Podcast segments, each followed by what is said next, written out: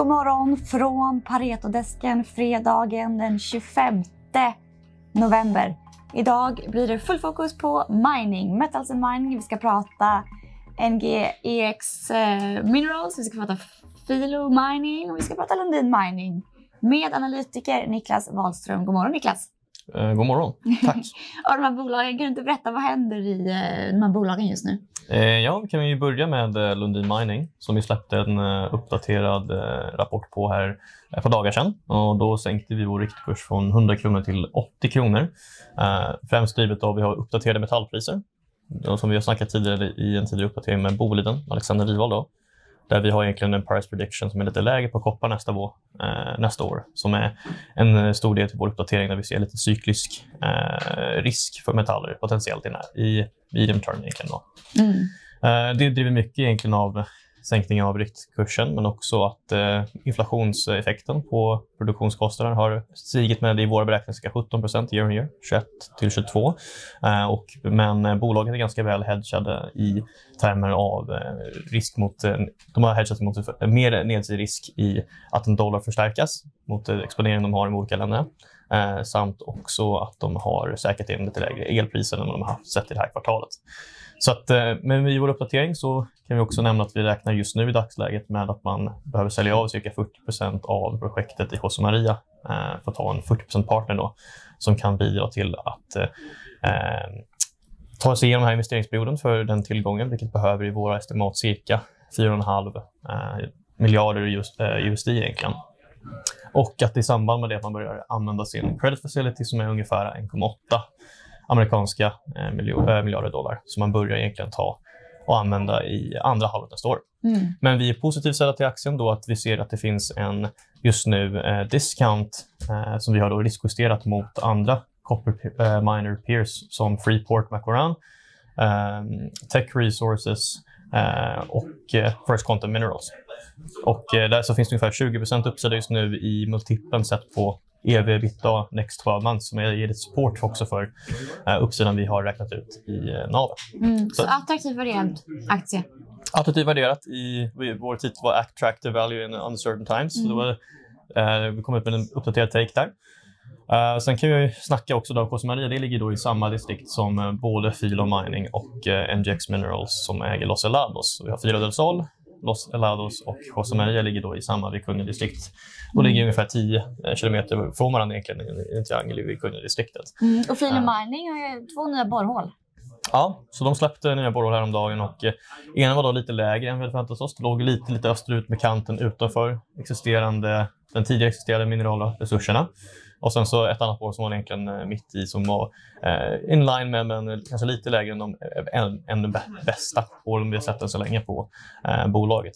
Men mycket fokus där nu i framtiden att både borra då in i den här höghaltiga zonen de har definierat samt också att man börjar borra norrut för att fylla in eh, ett gap mellan, eh, ett, borra längre norrut som tar del också av våra estimat. Så att vad vi ser kommer att hända under nästa år, egentligen nästa borrsäsong, är att eh, man kommer kunna avriskera våra estimat. Men samtidigt finns det också potential till uppsidan när det kommer till eh, andra eh, targets som har längre norrut och söderut som mm. skulle kunna ge en Borrsäsong, är det en speciell so säsong när man borrar?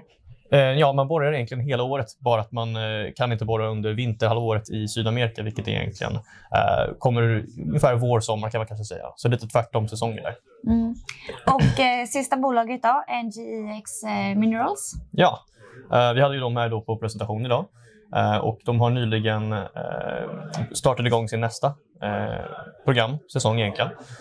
och då är då tanken att man ska fortsätta att borra på de här höghaltiga som de hittade förra säsongen. Eh, samt också att när man får en environmental permit eh, att kunna komma igång på deras target under Potter Cliffs. Och det ligger egentligen mellan eh, Los Alados och eh, Fila Money försöker visa upp på en karta. Så finns det en, mm. en, eh, lite land emellan då det är en target som Porto Cliffs. Och det är egentligen uppdelat mellan MGX, en väldigt liten del i eh, Maria som är London Mining mm. och sen den södra delen av Fila Mining.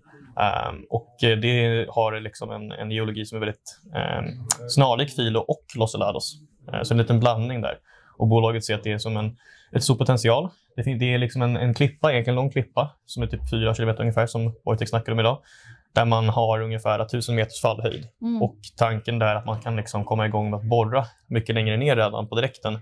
Så man kommer in i ungefär potentiala halter som man kanske har sett eh, på tidigare stadier, till exempel i filo. Mm. Så, så Om du att, sa att eh, Lundin Mining var attraktivt värderat, hur står sig de andra två bolagen? eh, de andra är ju lite, värderade på lite olika sätt. Då. Eh, de är inte operationella bolag. De har ju tillgångar som är egentligen fortfarande explorationsfas. Mm.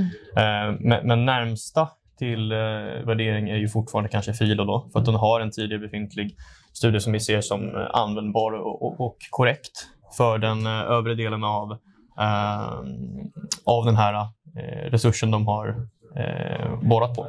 De har ju borrat under den och det är därifrån den här resan, aktieresan startade när de hittade eh, fantastiska halter precis under den här Mm. kappan de hade i början. Eh, den är ju en del av den värderingen. Och sen så är mycket inpenslat också en värdering på resurserna de har hittat än så länge i exploration. Eh, och där det fortfarande finns väldigt mycket potential. Men NGX då, de hade en tidigare befintlig studie med eh, José Maria egentligen tidigare. De var egentligen del av samma mindplan. Mm. Och sen så delade de upp egentligen alla bolagen i olika projekt. Och eh, eh, sättet de hade, ha, ha- hade i sin mindplan bestod av att egentligen vad man kallar en block cave scenario, vilket betyder att man går in under jorden. Man skapar ungefär en plattform under och spränger malmen så att den låter falla ut. Eh, och så, så egentligen bara skeppar man det vidare egentligen eh, under jorden. Då. Och Mm. eh, det innebär långa eh, ledtider, men långa, eh, många, många år att bygga upp det där och komma igång. Och egentligen innebär det inte en jättebra payback eller projektekonomi. Så att, eh, då har man den här nya approachen med att man letar på höghaltiga zoner inuti den kroppen samt utanför. Mm. Och vad som är intressant är att de är ju delägda av ett japanskt bolag, Nippon Caserones Resources, som har en befintlig gruva ungefär 10 km norrut om dem, som är up and running redan på Caseronesgruvan. De äger cirka 33-32 procent eh, av tillgången då egentligen. Och de har nu lite typ vaknat till liv efter att eh, BHP, eh, den största miningbolaget i världen egentligen, sett på market cap, eh, köpt upp en 5-procentig stake i eh, Filo. Mm. Så att de har vaknat lite till liv. Så det här var intressant att de fick en premie på, liksom på, på eh, det som BHP satsade då i, i bolaget. Eh, och eh, där finns det då potential att man såklart använder den här infrastrukturen, antagligen för Caserones eller till och med potentiellt infrastruktur Mm. som kommer från eh, José Maria, up and running. Och det skapar eh, ett potential att man, man sänker eh, kap kapitalkostnader för att komma igång. Men om, man, om, man ska, om du skulle värde. välja en favorit av de här tre aktierna, vil- vilken är mest intressant just nu?